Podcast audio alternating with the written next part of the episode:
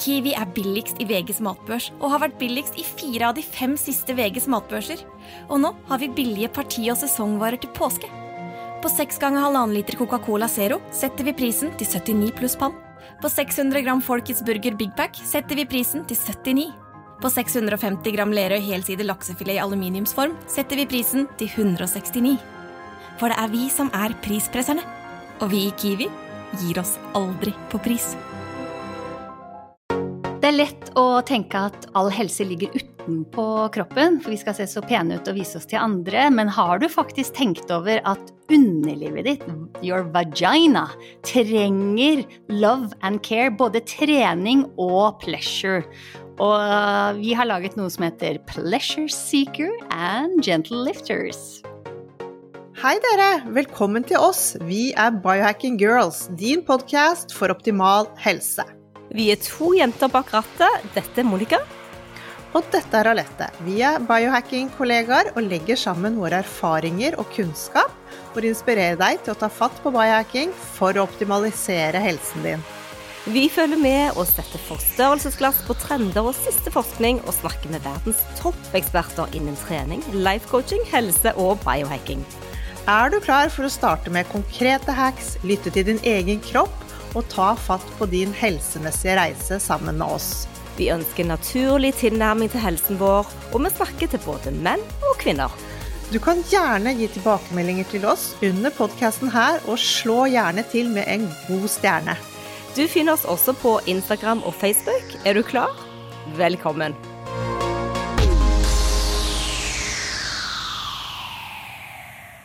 I dag skal vi rett og slett kjøre en litt annerledes episode når vi inviterer en venninne til Girltalk på podden. Ja, og det gleder vi oss sånn til. Og det er litt deilig òg, for forleden så hadde vi lege Tiril Elstad med oss på podkasten.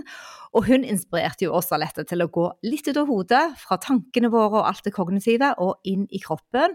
Og kjenne litt etter. Og med dagens gjest så får vi så mye sprudlende inspirasjon at det er umulig å ikke føle noe når vi er sammen med henne.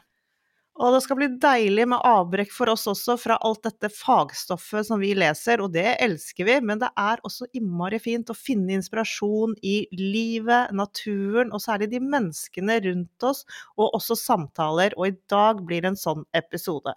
Stikkord for episoden er sexleketøy, blomster og haveliv.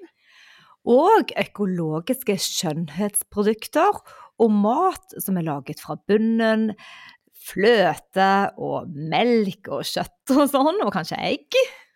Vi skal snakke litt om dette med overganger, drømmer, og også dette med å ha en vond fødselsopplevelse. Ja, Camilla Schjelderup hun er bærekraftdronningen her hjemme. Hun var nemlig først ute i landet med å lage en rendyrket økologisk parfymeriavdeling på Frogner i Oslo.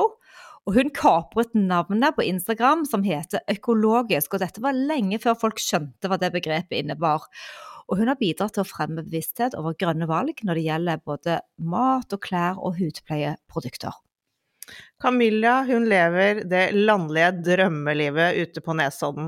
En av hennes lidenskaper er blomster. Hun har altså skikkelig grønne fingre, inspirert meg helt sykt mye med sin nydelige Instagram-konto.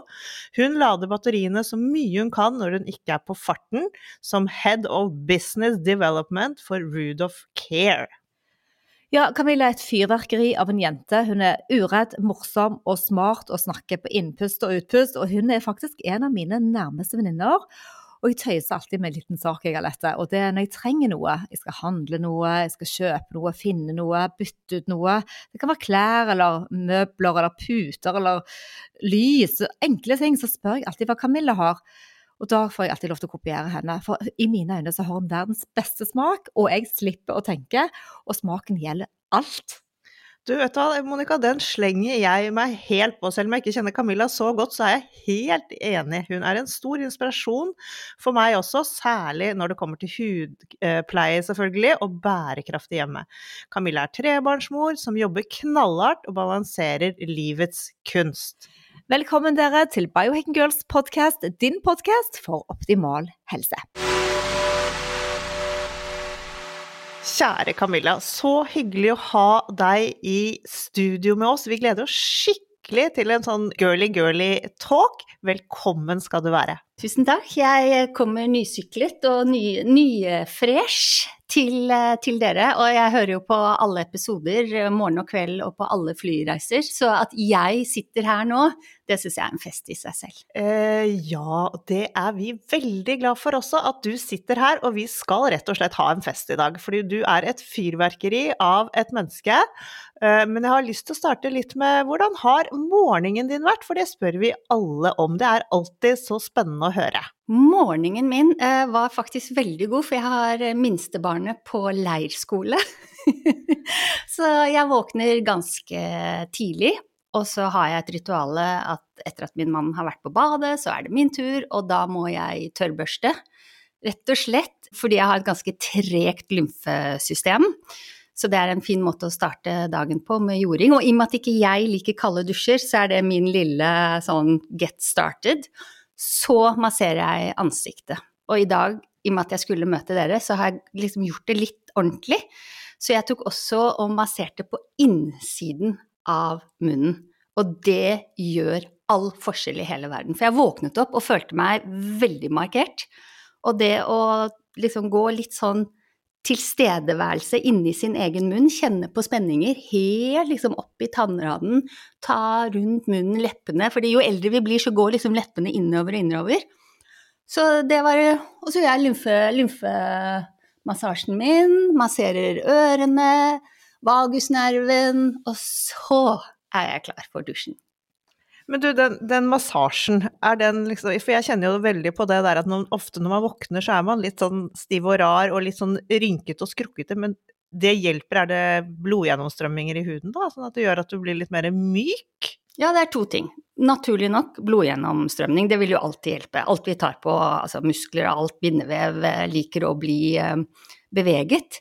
Men eh, vi har å bære på veldig mye spenninger i ansiktet, og jeg har skiftet madrass som jeg ikke er helt venn med. Som gjør at jeg vrir meg litt ekstra om natten, jeg biter meg litt på innsiden av eh, kinnene. Og min måte å reversere litt eh, den uroen jeg har hatt nå om natten, det er å ta på mitt eget ansikt og sjekke trekke inn med ansiktet mitt hvor jeg bærer på spenninger. Og der er vi jo alle litt forskjellige, og det kan man jo se på måten vi får linjer og mimikk. Men jeg lover, innsiden av munn, vi må nesten Altså, det må vi vise. Um, det er magisk. Det skal vi lage en liten film på, det er veldig fint at du sier. Og du ser jo bare strålende ut, Camilla, og du er jo en skikkelig skikkelig skikkelig nær venninne av meg. Og jeg har kjent deg så lenge, og jeg husker når disse plantemelkene kom, for akkurat her så sitter vi og drikker kaffe. Og de plantemelkene kom, og du bare Nei, jeg skal ha hel melk. Enten skulle folk ha lettmelk for de skulle tenke på det, at de skulle ha mindre fett i, eller om du skulle alltid ha hel melk. Hva var bakgrunnen til det den gangen, uh, siden vi sitter her med kaffe? Altså, jeg uh, det, er, det, er, todelt. Nummer én så liker jeg ikke overoppvarmet uh, mat altså mat som kan holde i et år, da blir jeg veldig mistenksom. Og sånn er det jo med den plante, plantemelken. Og så er det sånn at mitt system tåler eh, kumelk, og det er jeg veldig glad for. Jeg syns det smaker godt. Eh, og jeg vil ha fett. Jeg har alltid sverget til eh, fet melk. Ordentlig smør, og det er jo perioder av livet hvor man har følt seg helt spedalsk og helt off eh, en eller annen eh, plantetrend.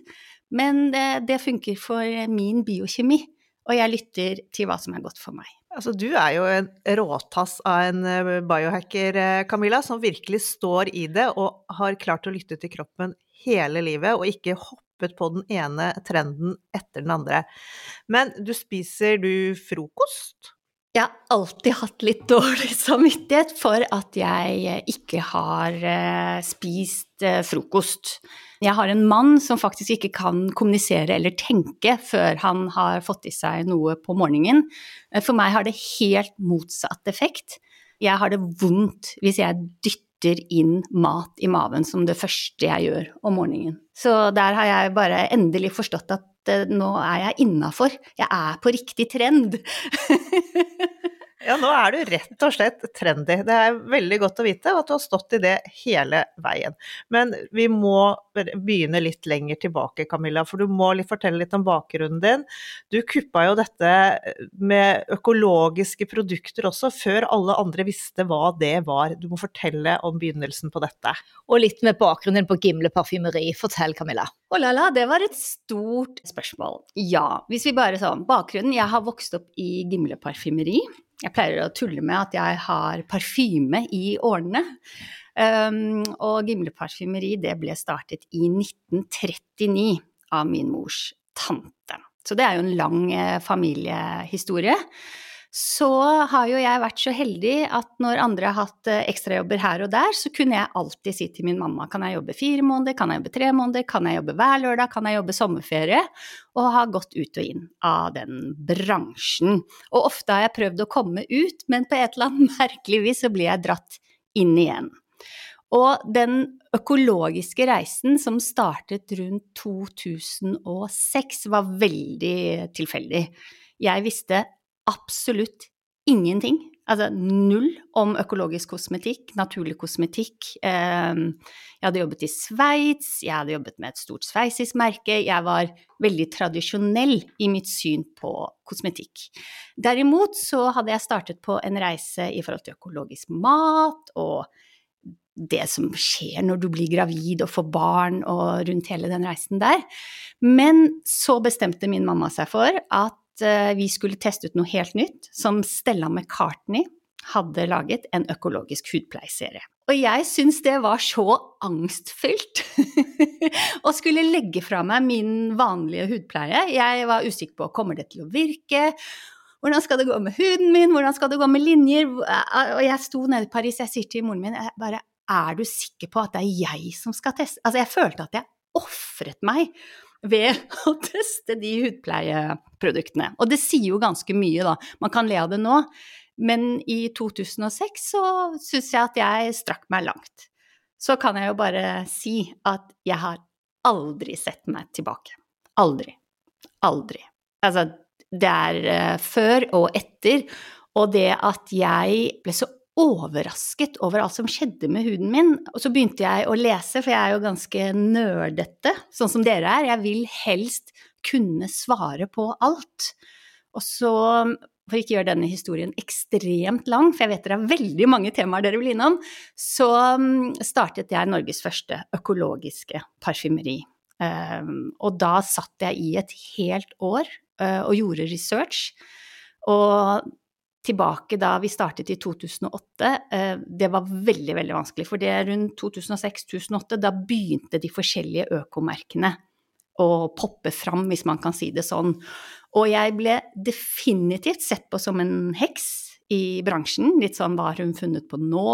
Eh, snakket om tilsetningsstoffer, parabener, fatlater, SLS, altså alt det som er blitt ja, litt sånn allmenn Altså, vi kan alle, alle, snakke om mange av disse ingrediensene nå, og velge, og velge de bort.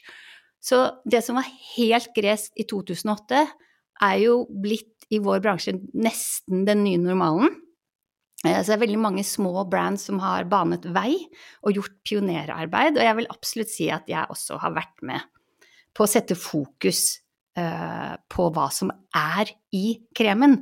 Fordi du vil ha aktive virkestoffer, og du vil ha resultater på huden, men man har ikke lyst på all driten. Altså, for meg er det så enkelt. Og da trengs det kunnskaper.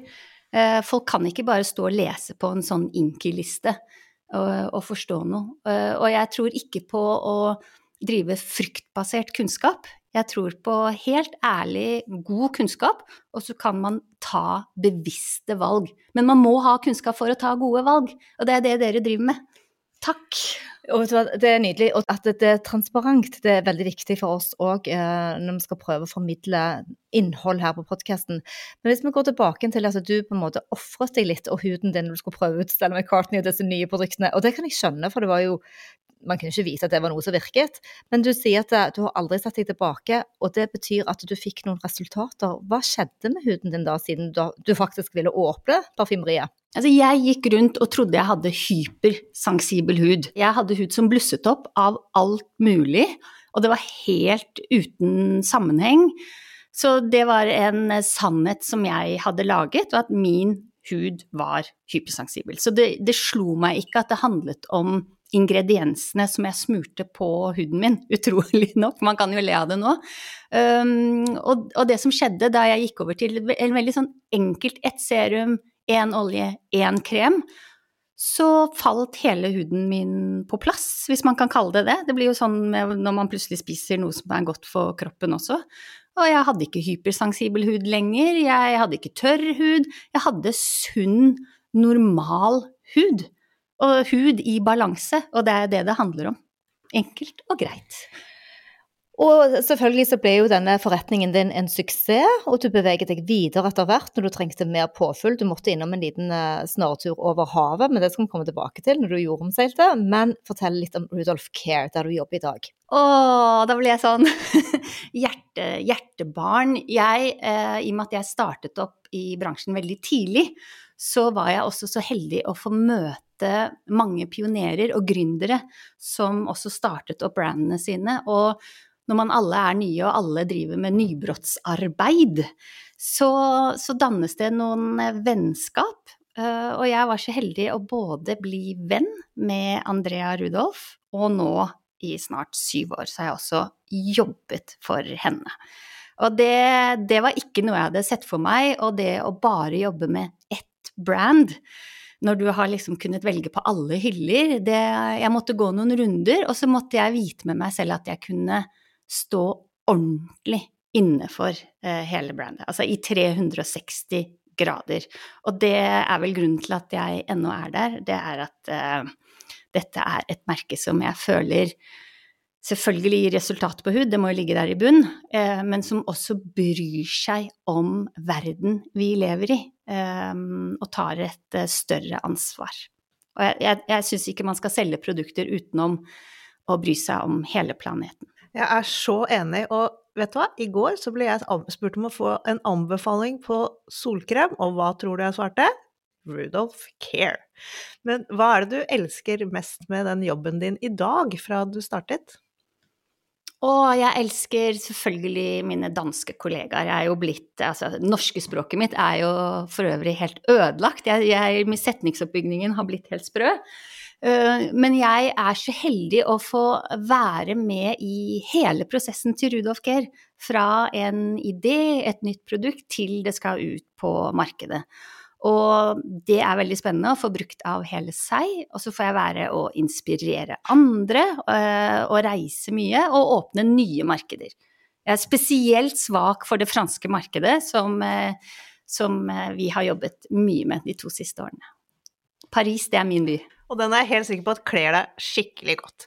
Men vi vil over til et nytt tema, og det er det som er eh, mat. Det har lyst til å snakke litt med deg om. Fordi vi lurer så fælt på hva du handler, og hva eliminerer du?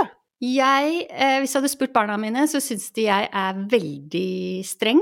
Fordi jeg, eh, samme som kosmetikken og det jeg tar på huden min, så vil jeg gjerne vite hva jeg putter i munnen min. Så det å kjøpe en leverpostei eller noe de har lyst på, så må jeg lese bak. Og da er det jo ikke alltid at eh, det får bli med i vognen. Så jeg vil ha mat som er eh, enkle ingredienser, rene ingredienser, og så vil jeg lage min egen mat, sånn at jeg faktisk vet hva jeg spiser. Og det er ekstremt viktig for meg. Um, og jeg vet mine barn um, innimellom syns at det har vært strenge regler. Eh, samtidig, nå som de begynner å bli veldig mye eldre, så ser jeg at det også er en stolthet i at eh, hjemme hos oss har det vært noen bevisste malk. Hva, hva putter vi i munnen, og hvorfor? Og så får andre familier spise på sin måte, men jeg har sagt hjemme hos oss gjør vi sånn, fordi dette tror jeg på. Kan ikke du gi noen eksempler på hva som absolutt ikke kommer inn i ditt hus når det gjelder mat, og så gjerne hva slags matpakker du lager? Altså, matpakker, da kommer min mann til å le seg i hjel når han hører det, fordi jeg hater å lage matpakker.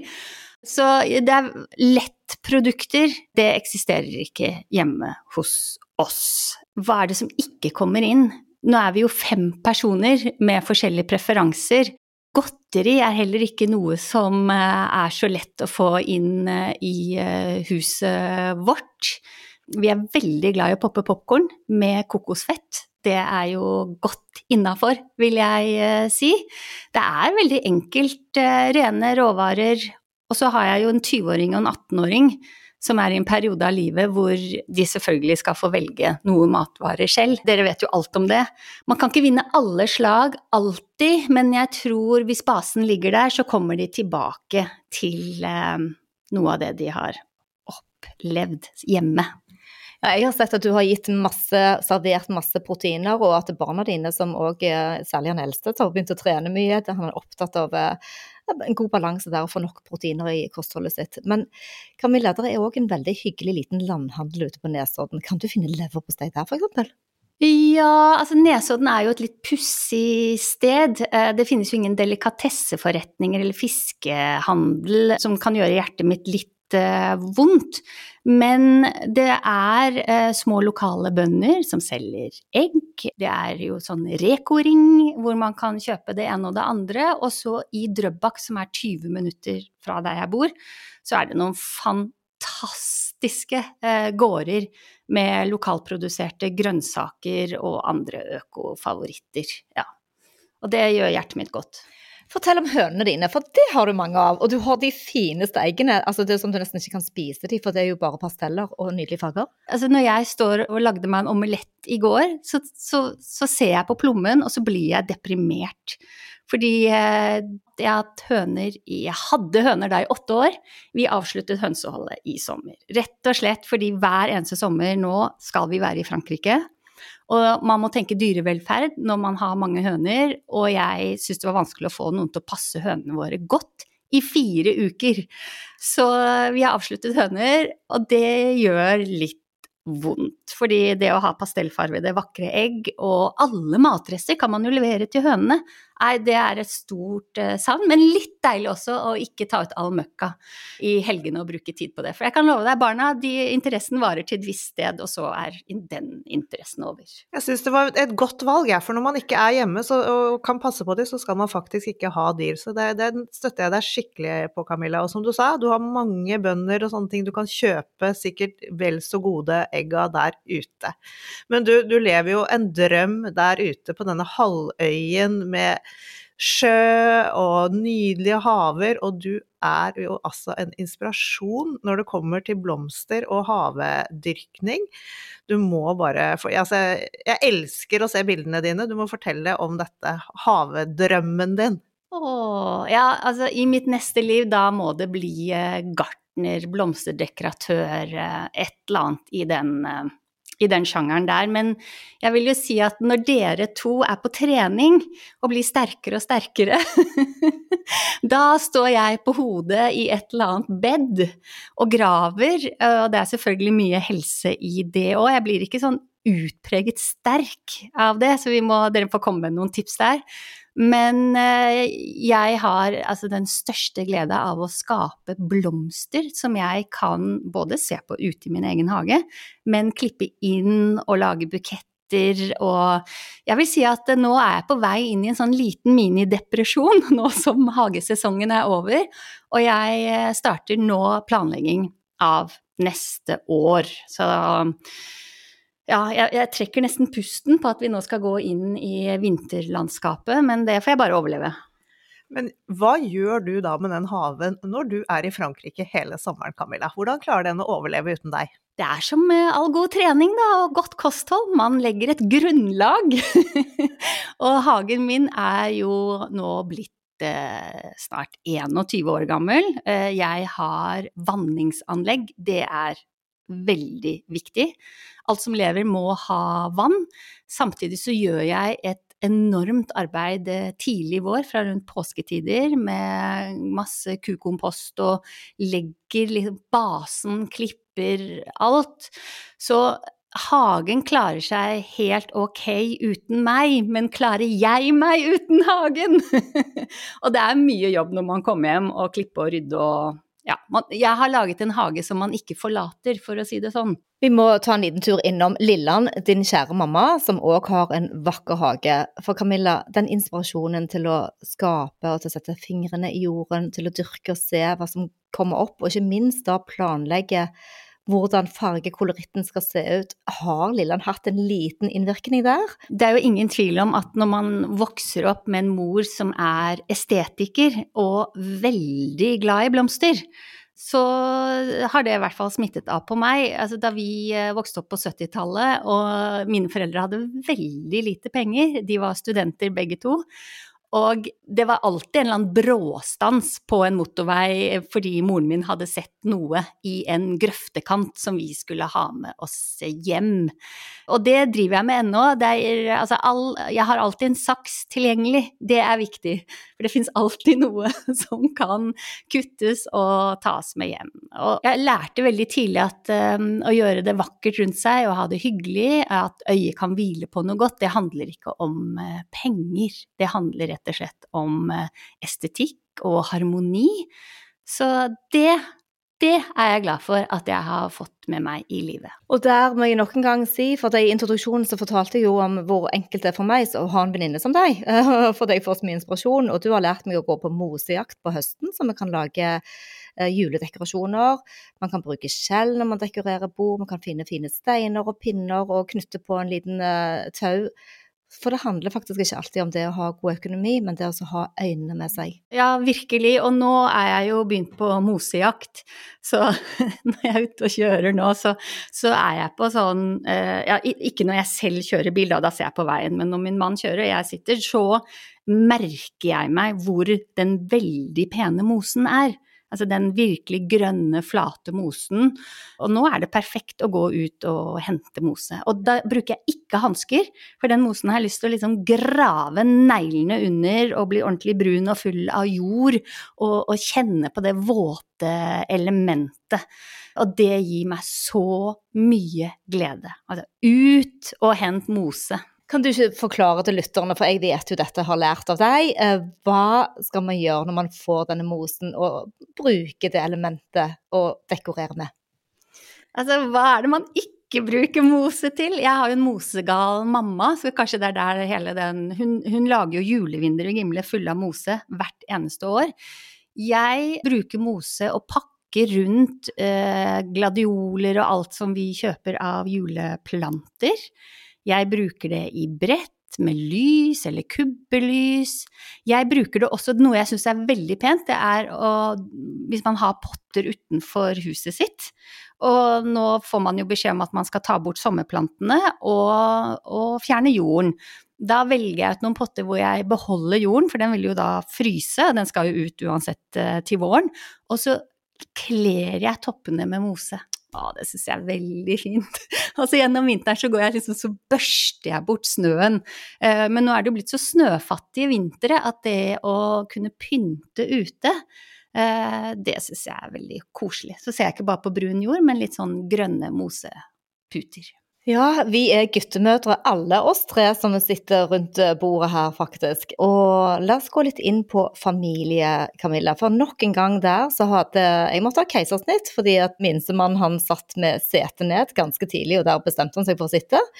Og da var du en sånn kjempementor for meg. Du gikk meg gjennom alle detaljene rundt et keisersnitt. Det var jo riktignok planlagt. Men du har jo òg hatt en del utfordringer med fødsler, og du har vært veldig flink til å dele. Kan ikke du fortelle litt din opplevelse? Altså, da tror jeg vi trenger en hel sesong for å ta mine fødselshistorier. Jeg har da tre gutter, to såkalte naturlige fødsler og et keisersnitt. Um, jeg gikk inn i det å skulle føde med én setning i hodet, og det var at jeg var en fødekvinne. Jeg hadde en sånn ufattelig idé om at jeg var en fødekvinne. Jeg ville selvfølgelig på ABC, fordi det er der fødekvinner er. Og det gikk ikke helt etter boken. Jeg har jo måttet innse at jeg er overhodet ikke en fødekvinne. Eh, eh, vevet mitt vier seg eh, ikke ut slik som det gjør hos de fleste. Og mm, jeg endte opp med første fødsel. Altså, jeg var helt sikker på at jeg skulle dø. Det var kjempedramatisk.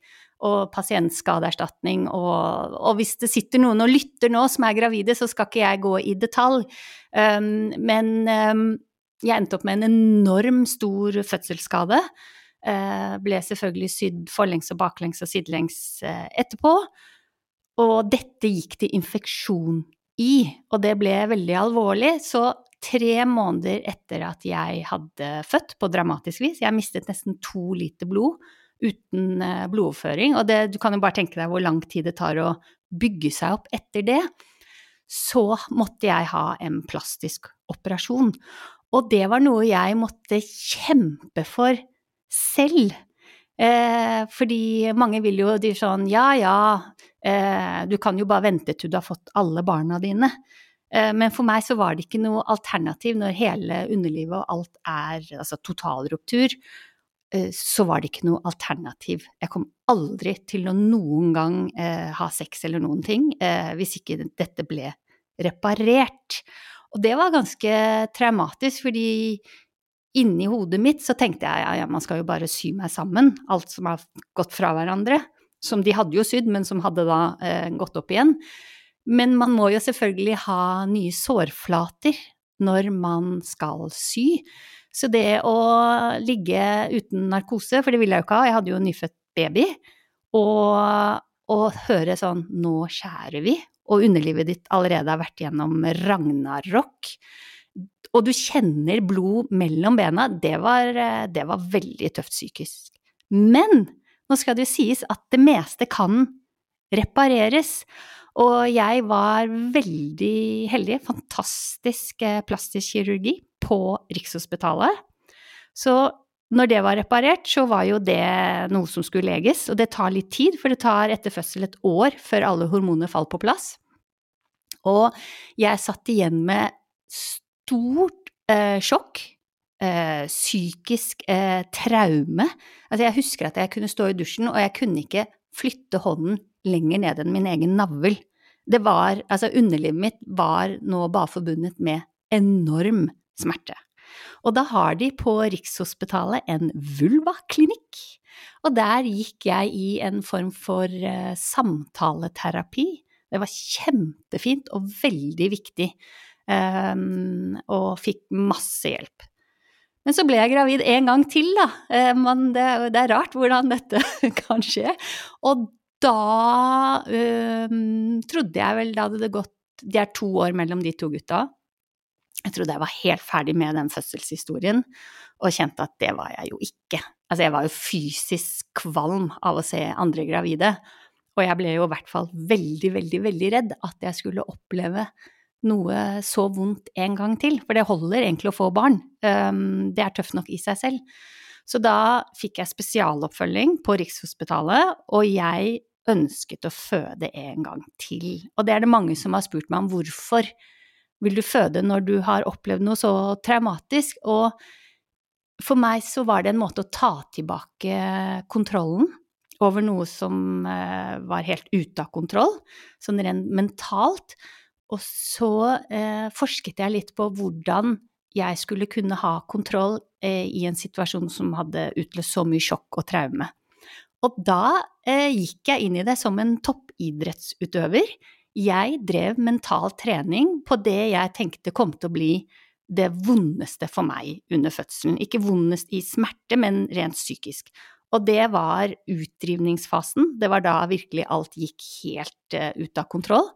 Så jeg lå i ni måneder hver kveld og så for meg hvordan dette barnet skulle gli ut av meg som en fisk eller katt eller hva man skal si, uh, uten uh, smerte, uten dramatikk, og jeg så for meg det om og om og om igjen. Og det var sterkt, for jeg kan si at da Jeg hadde selvfølgelig tre jordmødre, og alle var kalt inn i forhold til blødninger og alt som hadde skjedd. Men jeg husker at jeg lå og tittet ut av vinduet, og det snødde, og dette var i mars, og jeg kjente ingen form for smerte. Jeg hadde jo ikke noe bedøvelse, fordi det var ingen på vakt som kunne gjøre det. Eh, og det hadde vært kjempesmerte opp til denne utrivningsfasen. Jeg har nå null smerte, og jeg titter ut av vinduet, og jeg ler og snakker, og dette barnet bare glir ut av meg. Det var så sterkt. Men så er det tilbake til dette vevet mitt som ikke er helt samarbeidsvillig. Så selv med tre jordmødre som sto og dyttet og trykket inn og ut og inn, så endte jeg opp med én plastisk operasjon til.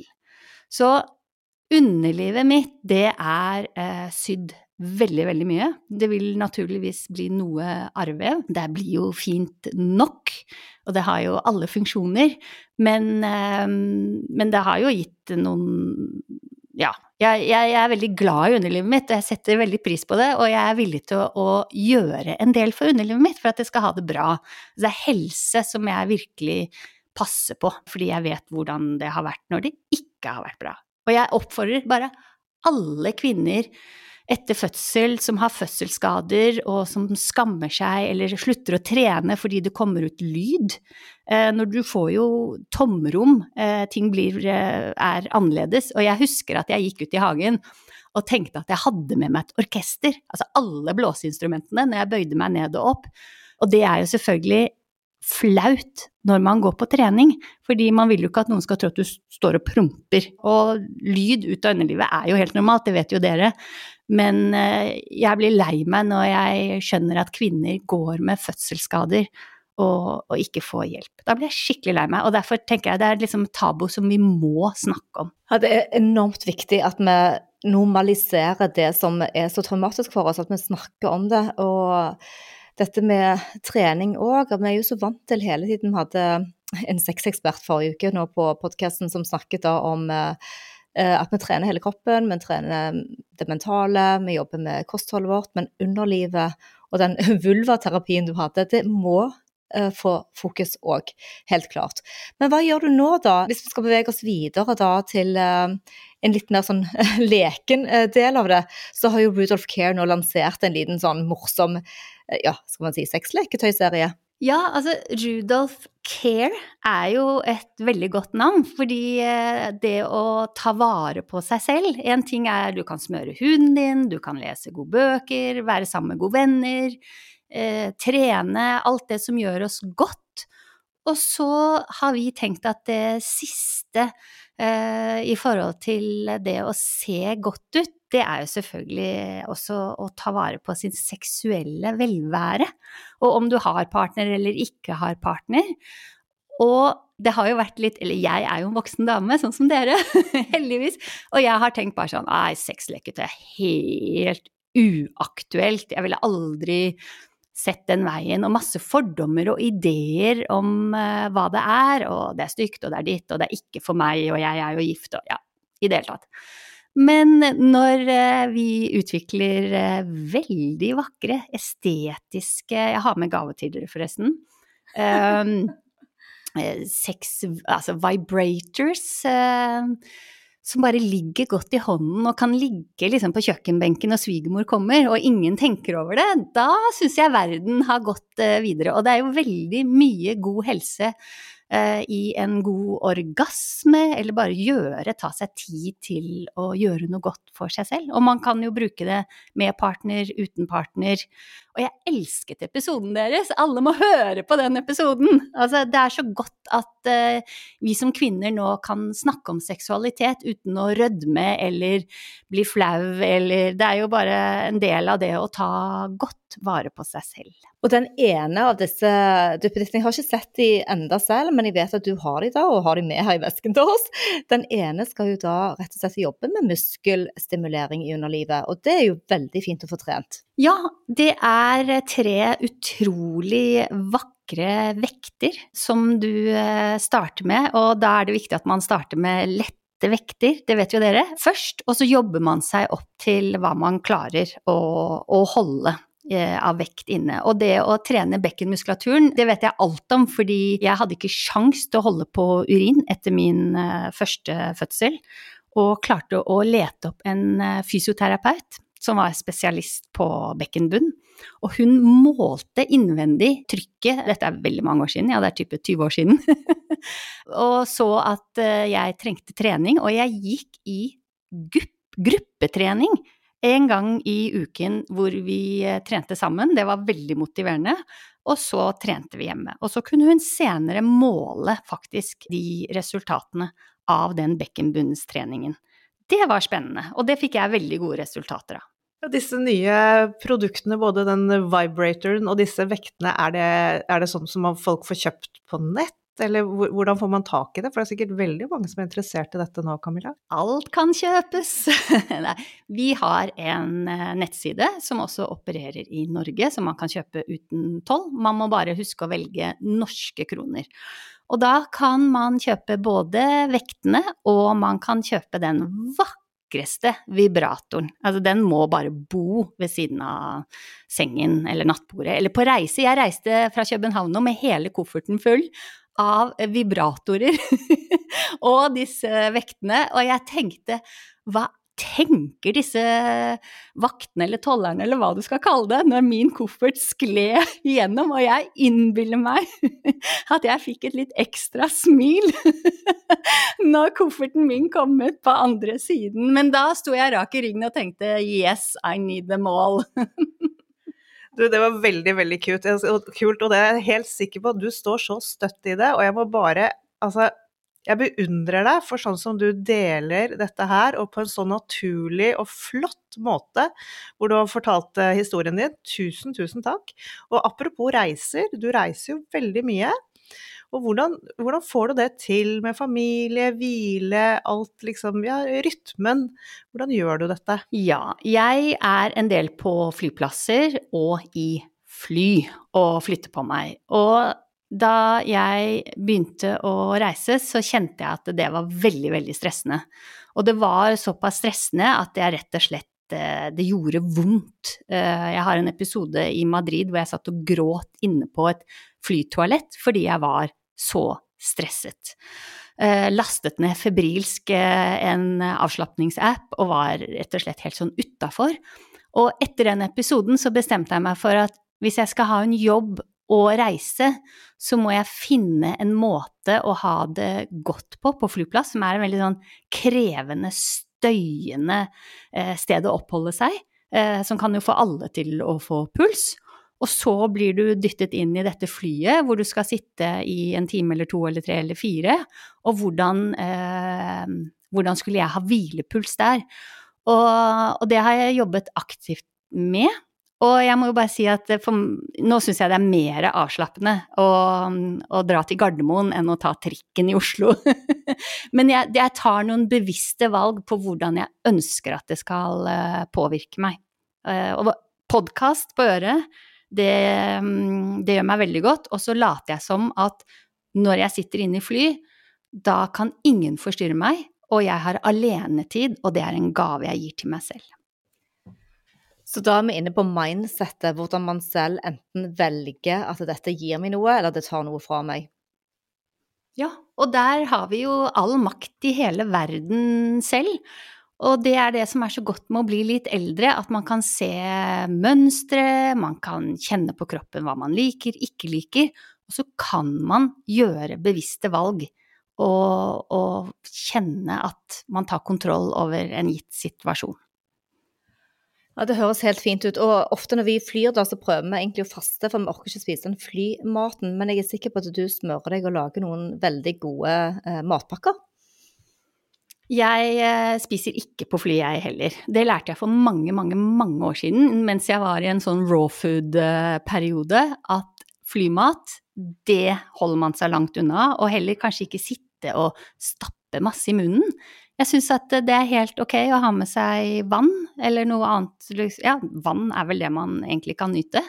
Og så ta det som en faste å være på fly. Du Camilla, eh, vi må snakke litt om hud og hudhelse når vi først har deg på den glødende, eh, sjarmerende, flotte Camilla her. Hva gjør vi nå? Nå kommer vi inn i høsten og inn i mørket, og huden vår blir tørrere og den blir blekere. Har du noen gode triks i boken? Ja, når du sier blekere, så tar jeg det som et hint. Eh, fordi selvfølgelig å, å, ta vare på huden sin og ha god hudhelse og tenke at nå som det blir høst, så tar vi automatisk på en lue, et skjerf, eh, en ekstra jakke, og det er jo det samme huden trenger. Trenger litt ekstra love and care, og vi er jo tre kvinner i vår beste alder huden vår eh, mister jo en del hormon hormoner eh, som gjør at vi får litt tynnere hud. Huden kan bli mer sensibel, det er mindre østrogenreseptorer i huden. Så det å eh, kanskje legge til en eh, ordentlig ren, god økologisk olje og da er det veldig stor forskjell på oljer. Så alle oljer har jo forskjellig molekylær oppbygging. Så olivenolje er fantastisk å spise, men ikke på huden. Så finne en olje som passer til din hud. Og eh, tenke beskyttelse når det blir veldig kaldt og vind. Og er man mye ute, så trenger den nordiske huden kanskje også en kuldekrem. Uh, jeg dropper solkrem fra nå av. Eh, jeg vil ha alt av D-vitamin som jeg kan suge inn. Det er jo litt som å banne i kjerka i min bransje, hvor alle skal bruke solkrem eh, tolv måneder i året. Og det, det, har ikke jeg lyst til å være en del av. Så høst og vinter i Norge, da tar jeg all solen jeg kan få gjennom huden. Det er viktig for eh, D-vitaminopptaket mitt. Og så når solen og våren og UV-strålene øker, så starter jeg med beskyttelse. Men det er lov å tenke selv og være litt smart. Jeg vil bare si til eh, alle som lytter på podkasten nå, at uh, vi er jo selvfølgelig gode venninner med Camilla, vi, men vi er ikke sponset av Rudolf Care. Vi kjøper faktisk en del av produktene. Og jeg har investert i en selvbruningskrem, som det het på 90-tallet iallfall. Et sånn foam som jeg bruker, og den gir så jevn og fin farge. Den, er, den kjøpte jeg vel kanskje i januar, begynner å bli et år gammel, men der står tolv måneder på emballasjen. Dette virker så bra. Er det sunt for huden? Ja, altså det å En, en selvbruner går inn og farver tørre, døde hudceller. Og eh, A Hint of Summer, som selvbruneren til Rudolf Gehr heter, den fins i tre varianter og er prisvinnende. Det er vel vårt mest solgte produkt. Og du, gjennom et sukkermolekyl som heter DHA, så får man denne kunstige fargen. Og den varer ca. i tre dager, og huden piles jo av og fornyer seg. Så kan man påføre igjen.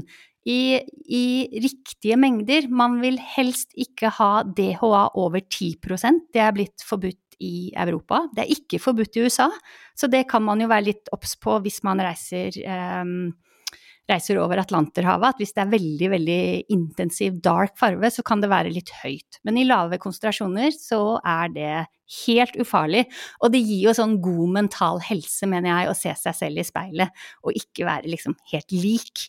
Så én til to dråper um, i eh, ansiktskremen din, det, det får i hvert fall meg gjennom vinteren. Mens jeg gleder meg til å plante i hagen. Ja, det høres jo veldig greit ut. Og igjen, det er Rudolf Care. Det er bare å kjøre på med disse små dråpene. Og du, jeg, det, har du begynt å bruke det allerede? For du har veldig fin glød i huden nå, Camilla. Ja, nå er det kanskje noen uker siden jeg har brukt det, men jeg var så heldig å være en uke i Frankrike i slutten av september. Så jeg tror det henger litt igjen. Men det er noe jeg bruker hele året. Kult. Det må vi teste ut, vi også. Men du Camilla, vi må snakke litt om overganger. Vi er eh, kvinner, eh, og igjen så har du da påvirket oss til eh, denne kjempefine gynekologen som vi har hatt flere ganger på podkasten, Helena Enger. Igjen hermer vi etter deg, og det er vi veldig, veldig glad for. Og så er det jo dette med hormonterapi. Hun er jo veldig god på dette med bioidentiske hormoner, og jobber jo dypt og inderlig med hver og en av oss når det gjelder dette. Hva har vært dine erfaringer her? Ja, jeg vil jo si at det er jo kvinnen i mitt liv. Altså hvis jeg kunne hatt en plakat hjemme i stua mi, så hadde det vært av eh, henne. Jeg syns hun har et så sunt eh, utgangspunkt i hvordan hun ser på symptomer i periomenopause, menopause. Og jeg kan bare dele en litt sånn trist historie, fordi da jeg var rundt 42, så merket jeg at noe var litt off. Og da var det jo ingen som snakket om overgangsalder, eller sånn som det er løftet opp de siste året, nesten bare. Så jeg tenkte at det var noe galt med meg, fordi jeg hadde ikke lyst på sex. Jeg, jeg, jeg tenkte at uh, her, er noe, her er det noe alvorlig galt. Og så tok jeg motet til meg og gikk til gynekologen min. Kjempedyktig eh, gynekolog. Og så, etter liksom vanlig undersøkelse, sier jeg du, jeg, jeg er ikke kåt lenger. Og det er et problem. Og jeg syns jeg var så tøff som satt der og sa det. Og jeg sa jeg har verdens deiligste mann, og jeg har lyst til å ha lyst, men det er ikke en celle i kroppen min som har lyst. Og da tok hun fram en gul Post-It-lapp, og så skrev hun mobilnummeret til en sexolog.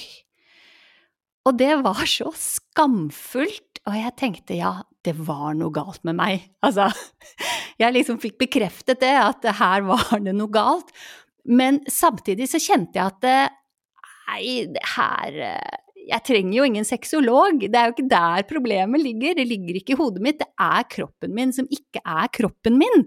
Og jeg vil ha lyst til å være kåt. Så jeg kastet den gule lappen og så gikk det noen år, uh, og hvor jeg kjente at dette her er jo helt merkelig. Altså, man blir mer og mer premenstruell, man blir rarere og rarere, og uh, til slutt så syns jeg jeg ikke sov like godt, og jeg er jo et sovebarn, som Monica vet, jeg elsker å sove. Og da søkte jeg etter Helena, og fant henne. Og da ble jeg tatt på alvor. Og det å bli tatt på alvor, at noen ser på symptomer og ikke bare titter inni deg og sier 'her kan det produseres flere egg', eller 'her er det altså, Det å bli tatt på alvor, og, og at jeg kunne si 'jeg vil bli kåt'. Uh, og hun sier 'det kan jeg lett ordne'. Altså, det er det letteste. Og skrev ut uh, Testogel og forklarte meg hvordan jeg skulle bruke den. Det skal selvfølgelig ta blodprøver før, og jeg så jo at jeg hadde lave verdier. Og så vet jo dere hva er normale verdier? Og jeg har tenkt alltid at jeg har hatt et høyt testosteronnivå. Men det vet jeg jo ikke, for det har jeg jo aldri eh, testet før.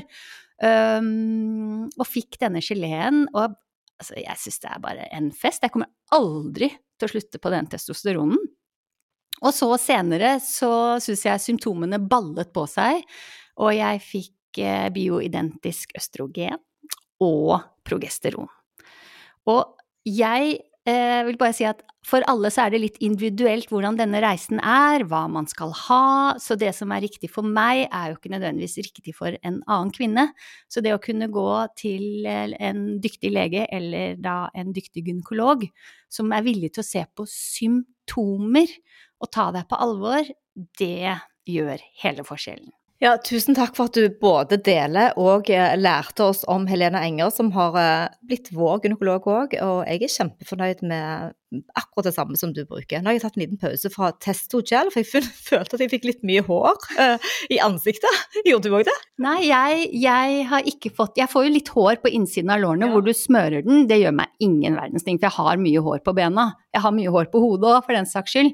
Uh, men jeg uh, trenger ikke å Jeg har liksom funnet en ganske lav dose som fungerer for meg.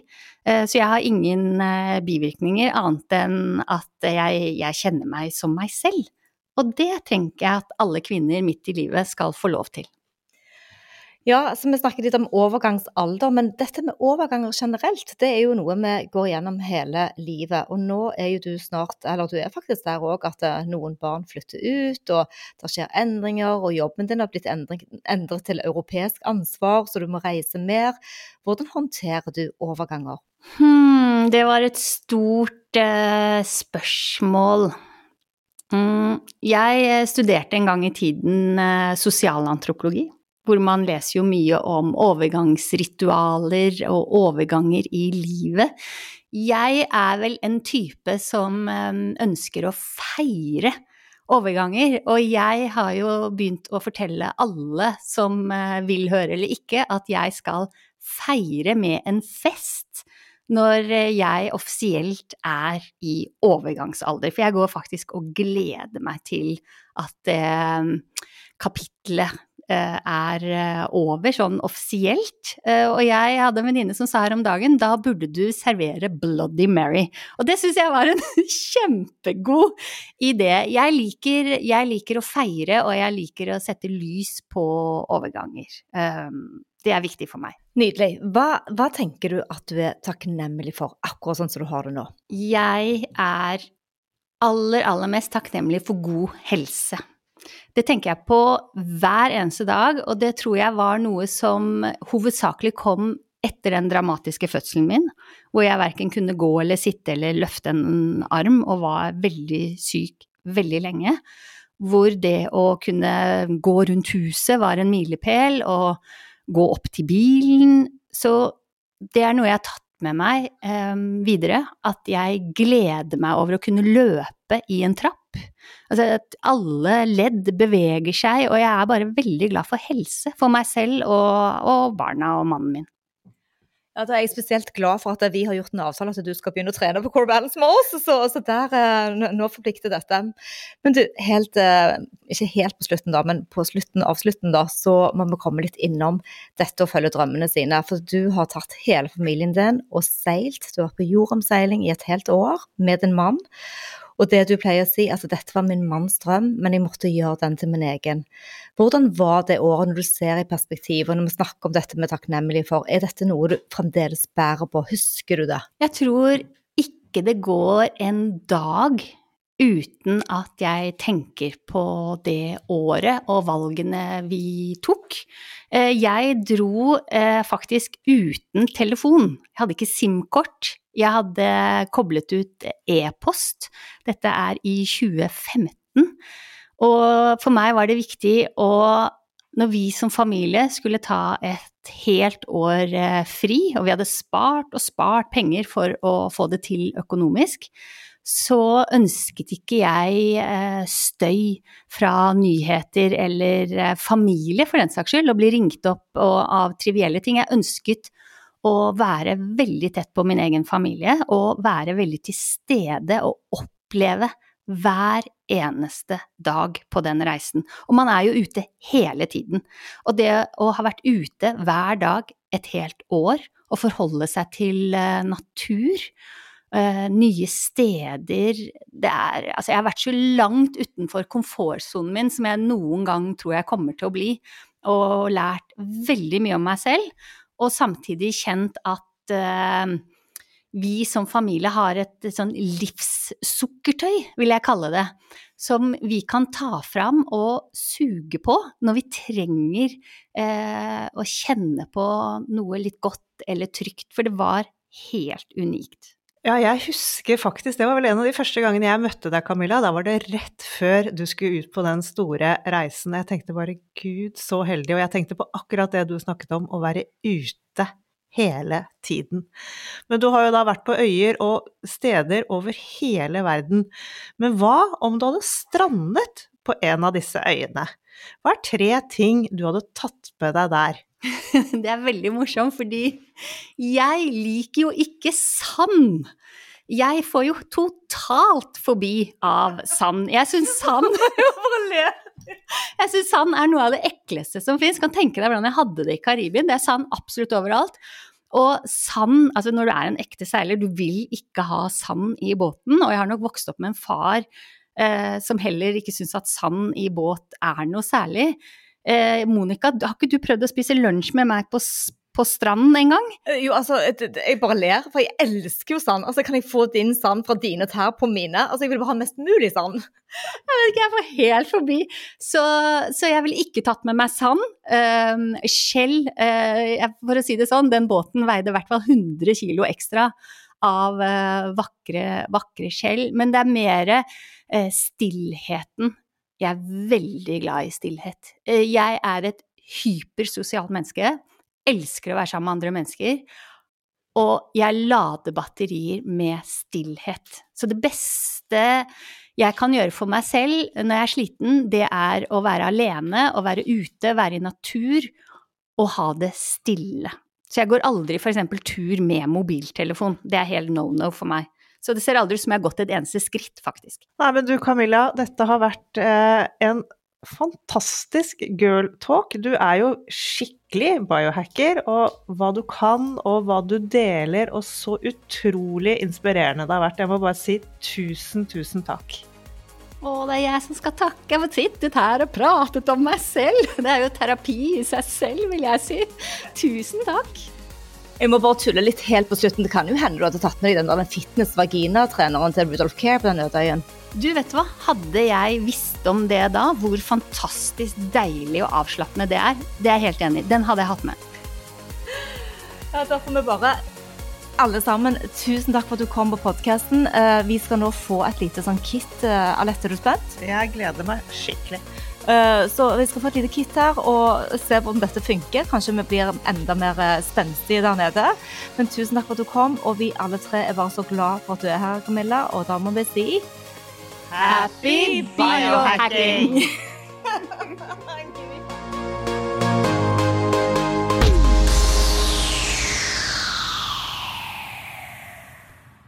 Vi minner om at dere må snakke med egen lege eller kostholdsveileder om dietter og andre spørsmål relatert til medisiner og supplementer. Informasjon vi deler, kan ikke bli brukt til å diagnostisere, behandle, forebygge eller kurere noen sykdommer eller tilstander. Kiwi er billigst i VGs matbørs og har vært billigst i fire av de fem siste VGs matbørser. Og nå har vi billige parti- og sesongvarer til påske. På 6 ganger halvannen liter Coca-Cola Zero setter vi prisen til 79 pluss pann. På 600 gram Folkets Burger Big Pack setter vi prisen til 79. På 650 gram Lerøy helside laksefilet i aluminiumsform setter vi prisen til 169. For det er vi som er prispresserne. Og vi i Kiwi gir oss aldri på pris.